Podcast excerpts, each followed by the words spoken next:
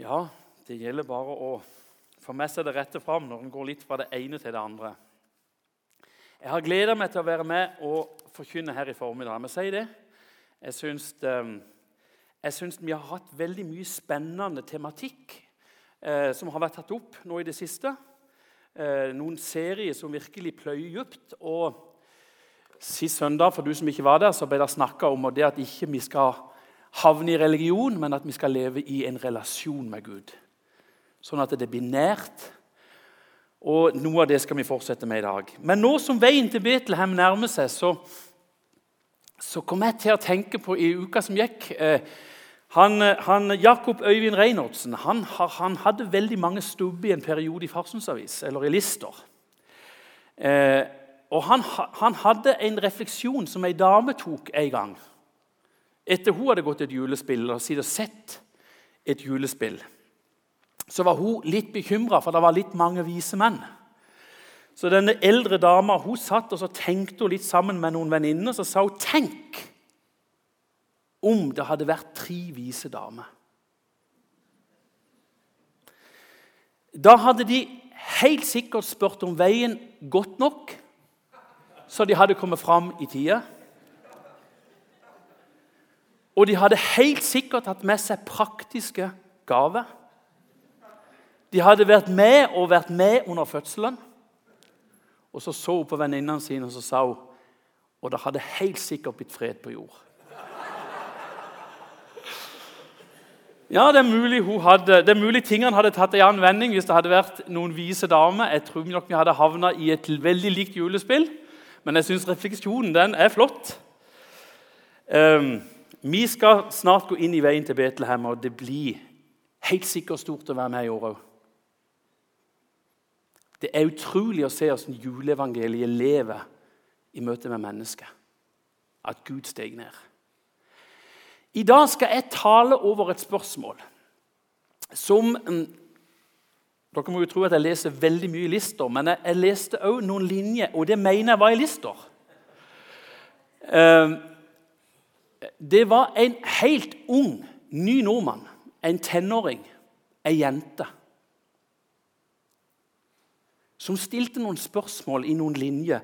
Jeg tror ikke det var et dikt, for det var, altså, det var ikke rim, men det var gode refleksjoner hos en tenåring. Hun heter Hava Domasjeva. Hun hadde skrevet noen linjer i avisen som jeg har lyst til å lese innledningsvis på prekenen i dag. Ser du meg? er spørsmålet. Du har sett meg gråte. Du har sett meg lide. Du har sett meg skrike. Du har sett frykten. Du har sett tårene. Du har sett smerten. Men har du sett meg? Jeg vil tro, når hun har skrevet dette, at hun kanskje har tenkt i retning av oss som bor her i Norge at det ligger tanker av nestekjærlighet. Men dere, jeg har klippet ut denne lille, lappen, denne lille lappen. Jeg har hatt den i Bibelen helt siden jeg så det. Og I dag har jeg lyst til å ta det på et enda litt høyere plan enn kanskje den unge jenta tenkte. For for meg er det blitt sånn at det er blitt et fokus inn i møte med det å søke en relasjon med Gud. For alle oss som sitter i kirka, for alle som flytter til Norge, for alle mennesker som lever, så handler det om å bli sett. Det handler om å bli møtt der du er, i den situasjonen du befinner deg i. Hørt i den smerten du kjenner på som ingen andre kjenner til. Det handler om noe djupt i forhold til det å bli møtt der du er. Jeg kan kjenne det i møte med Gud i bønn, i møte med en åpen bibel. Jeg kan kjenne at jeg ønsker å bli møtt der jeg er. Sett i min situasjon. Under alle forhold så har vi forskjellige behov. I denne forsamlinga i formiddag så er det et skrik etter forskjellige behov. Hos hver enkelt av oss. Tatt hånd om og møtt der vi er. Det er sånn at Når Gud møter oss mennesker, så møter han dybdene i våre liv. Ser du meg? Det er spørsmålet vi kjenner på. Og Når du vender det mot Gud, så har jeg lyst til å si til deg da da blir du sett.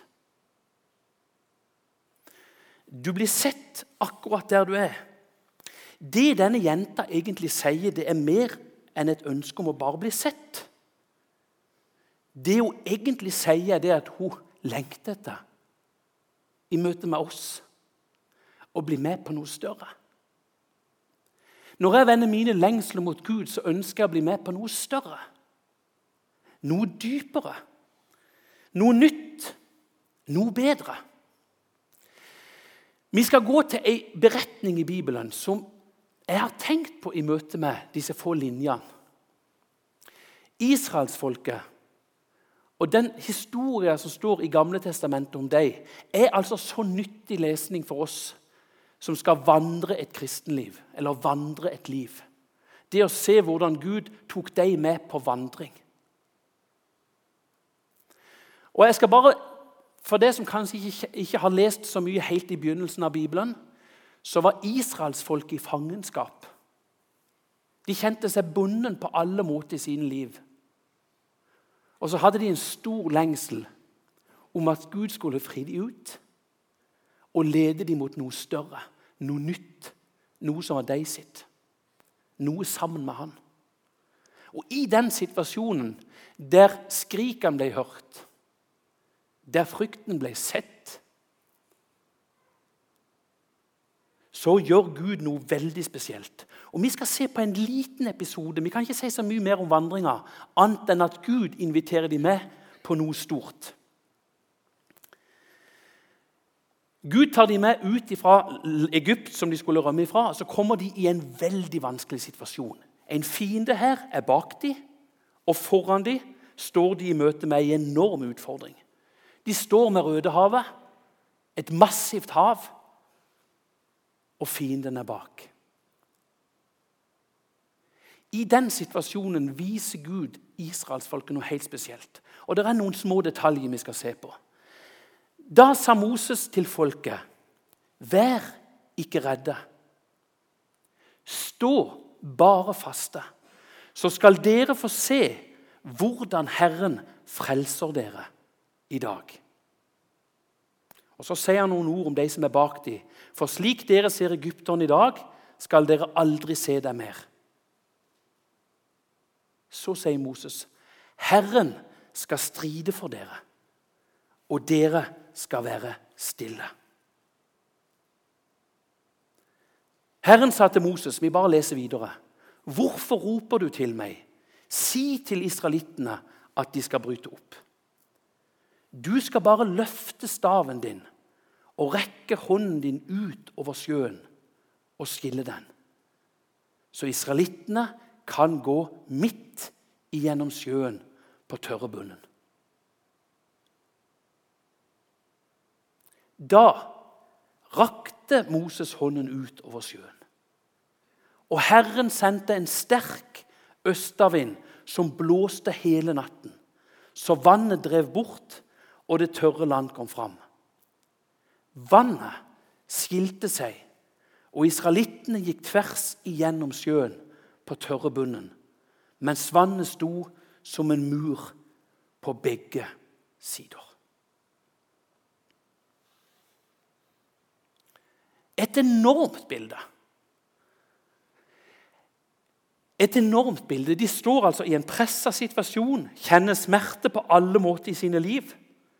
Og så er det en som står tett sammen med dem, og som ikke viker av i den situasjonen. Der står det. Han veik ikke fra dem. Han var bak dem og skjerma dem. Han var foran dem og lyste. Lederen får beskjed om bruk det redskapet du har fått. Du skal løfte staven din, og så begynner vinden. Og så begynner det å blåse. Og så holder det på utover natta. Og så begynner tørr havbunn å komme fram. Så står de i den situasjonen, og da er spørsmålet våger jeg å gi livet mitt til noe større. Våger jeg å stole nå på det som nå er i ferd med å skje? Like foran dem. Ingen flåte lå og venta. Ingen bru var bygd. Og vet dere noe? Det hadde ikke nytta i situasjonen. Vet du hvor gjennomsnittlig dybde det er på Rødehavet? 490 meter. Vet du hvor brei sjøen er på det breieste? 355 km. Det som gjør dette bildet så sterkt, vet dere hva det er? Det handler om å tørre å ta steg i tro. For jødene som begynte å gå ut i dette, så ble det ei vandring i nåde. Ei vandring på noe de ikke hadde forutsetning for å kunne stole på før de sto i det. Og de sto der med vannmasse som en vegg på begge sider. Redninga den lå ikke på bølgetoppene, men redninga det var ei vandring på bunnen sammen med Gud. Og Det syns jeg er så sterkt å legge merke til. Vi kan tenke Gud, kunne du ikke på en måte ha anretta dette på en litt annen måte? Jeg er overbevist om at jødene, eller israelittene som denne dagen måtte gå Ikke bare dagen, de gikk i sikkert flere dager før de var over. Opplyst, skjerma for fienden bak, til Gud egentlig lot havet klapse sammen. Når folket var kommet over. Men de måtte våge å stole, stole fullt ut på Han som gikk bak dem. Men jeg tror at det var mamma og pappa, fedre, foreldre, som gikk med en enorm puls.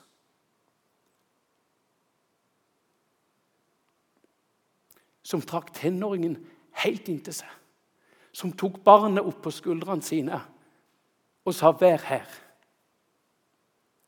For rett på sida de står den massive vannveggen, og de går som ned i gjessjakt. Bildene som jeg har vist dere her, er veldig haltende, for det var mye dypere.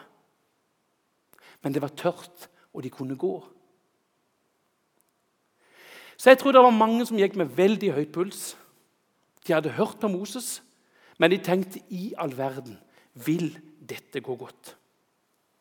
Så var det kanskje noen som var litt mer sånn trøstefulle. Kanskje det var noen som gikk blant dem, og så gikk og la hendene på skuldrene. Så sa de, 'Husk om Moses sa, Herren skal stride for oss, og vi skal være stille.' Så veksla det. Noen gikk med høy puls, noen gikk kanskje med rolig puls. Og så var det kanskje noen litt eldre som hadde levd en stund med Herren. Som gikk ned på havbunnen og småsang litt. Herren skal stride for oss og vi skal være stille. Nå maler jeg bare et menneskelig bilde av det som jeg tror hadde prega vår menighet hvis vi skulle ha gått i tro på en sånn måte.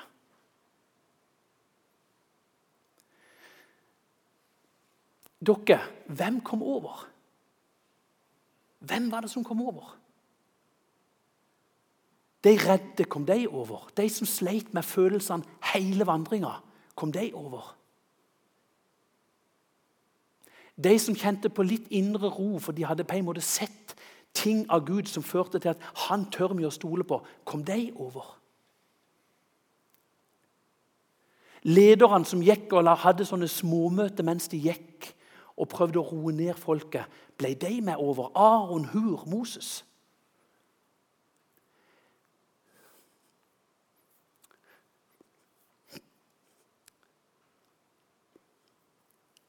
Alle kom over. Alle kom over. Hva var det som var avgjørende for dem? Hva var det som var avgjørende for tenåringen som ville bli sett? At de tok et steg i tro. og trodde på noe større. At de vågte å bli med på ei vandring de ikke hadde oversikt over. For det var én som råda over naturkreftene. Det var én som holdt rundt dem, som var foran og bak. Alle som fulgte veiledninga, ble med på underet. Både de med høy puls og de med lav puls.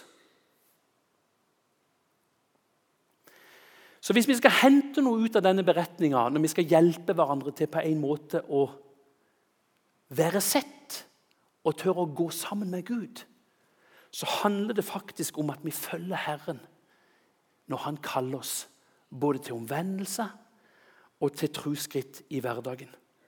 Denne beretninga som jeg deler med dere nå, den taler veldig til meg i mange situasjoner. Både når jeg sjøl kan ha behov av å virkelig kjenne varme hos Gud, så kan jeg kjenne meg møtt i denne beretninga. Men ikke minst når jeg ser andre slite. Og jeg går i bønn. For Herren har ikke gitt oss en stav, men han har bedt oss å bruke folda hender. Han har bedt oss å be for og med hverandre.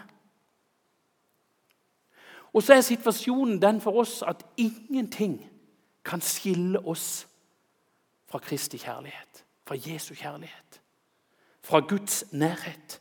Ikke angst, ikke uro, ikke redsel. Men det kan mange kjenne på. Og Kanskje du er her i formiddag som kjenner at i mitt liv nå så er det et skrik etter å bli sett.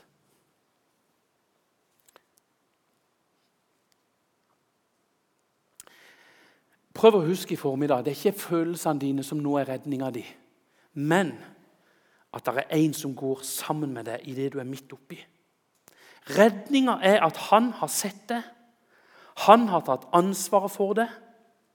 For alle som har tatt imot evangeliet, sier Bibelen, som har tatt imot Guds gave, så er vi i hans sitt følge, og han er trofast. Det er et fantastisk bilde på evangeliet. På nåden. Det som skjedde med Sivsjøen. Det handler om å hive seg ut i tru. Jeg har kjent så sterkt på Don Ralf av kurset i år, der du ser at du ønsker å skape en overbevisning. Du ønsker å tegne et bilde av Jesus der mennesker skal se at han er redninga. Kanskje du sitter her og kjenner at det er så mye rundt meg som er truende. Dette bildet viser litt av den situasjonen. Det er ting som kan bygge seg opp, ting som kan stå rundt oss som en mur. Eller at du kjenner uro for andre, og så er du i bønn for dem. Herren har en vei. Vi skal følge han. Han har en vei. Det som jeg kanskje tror Moses og de andre lederne sa mest til folket Ikke se dere tilbake. Ikke se dere tilbake. Og Der var på en måte Herrens vern, for de kunne ikke se fienden. Men lederne sa 'se framover'. Herren skal lede oss gjennom og over. Han leder oss igjennom det vi står i, og så leder han oss til andre sida. Det handler om å stole på Han. Ser du meg? Alle som lurte på det mens underet skjedde, de var sett. Herren skal stride for dere, og dere skal være stille. Nå har vi på en måte det bakteppet inn imot det jeg har lyst til å, jeg har lyst til å dele en liten ting til. For Jesus han brukte litt andre ord når han sto og underviste og veiledet på noe av det samme. Når han inviterer til relasjon, som igjen blir vandring, dvs. Si et liv med han, så har han noe av samme, bilden, samme bilde. Og For å hjelpe oss så skal vi se på et bibelord som jeg har brukt flere ganger, men i dag vil jeg vinkle det litt annerledes. Jesus sto i møte med mennesker i pressa situasjoner som kjente at livet trykker, livet presser. så sier han, 'Kom til meg, alle som strever og bærer tunge byrder, så vil jeg gi dere hvile.' Ta mitt åk på dere og lær av meg, for jeg er tålsom og ydmyk av hjerte. Så skal dere finne hvile for deres sjeler. For mitt åk er godt, og min byrde lett. Et menneske som ikke er kristen og leser disse versene, tror jeg tenker feil med en gang. Hva vil det si å gå under åk? En som ikke på en måte kjenner Gud, vil tenke at et kristenliv er det en hverdag der du bare bærer tungt? Der du blir lessa på ting? Er det det Jesus tenker i denne situasjonen? Bøyde rygger. Sånn tenker mange som ser det utenifra, og som ikke har oppdaga Jesus. Jesus viser her et større bilde. Han snakker om et tospann. Han snakker om noen som går sammen med noe større. Han ser oss der vi er, og inviterer til at vi skal stå tett inntil han. Dere er et åk binder sammen. Det er det Jesus vil ha fram. Han sier egentlig til oss mennesker der du kommer i livet, er du aldri alene. Din hverdag binder oss to sammen, sier Jesus. Han inviterer oss når han sier 'kom', til å bli ett med noe større. Det er en fantastisk invitasjon Jesus her gir.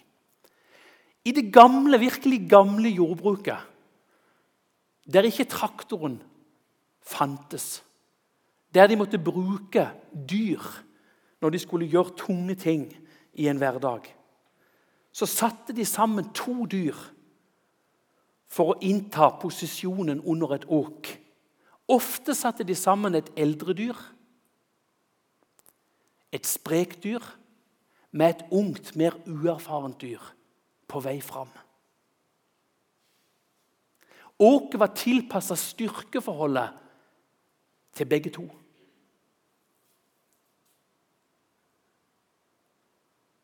Det var på en måte en skjevfordeling under åket.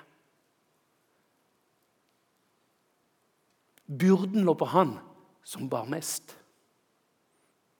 Som var i stand til å ta mest. Som gjorde det levelig for den på sida til å bli med på noe større, noe finere. Sånn inviterer Jesus oss inn. I nærhet, der vi kan gå i hop med Han. Leve tett på Jesus sånn at presset blir fordelt. Og du ikke går ned, og jeg ikke går ned. På en måte er det å stå trygt på en havbunn der det er feste, og så kan du gå. Det er det Jesus inviterer oss inn til. Da kan vi si det sånn og bruke litt bildene i Bibelen. Hans kraft blir for en kristen hvile. Når du er utmatta, så kan du lene deg på noe større. Hans fred kan hjelpe deg til nattesøvn når du er redd på hva de neste ukene vil bringe. Hans fred, som overgår all forstand, bevarer deg i situasjonen. Til hvile, til trygghet og til et fullverdig liv. Sånn er Jesus.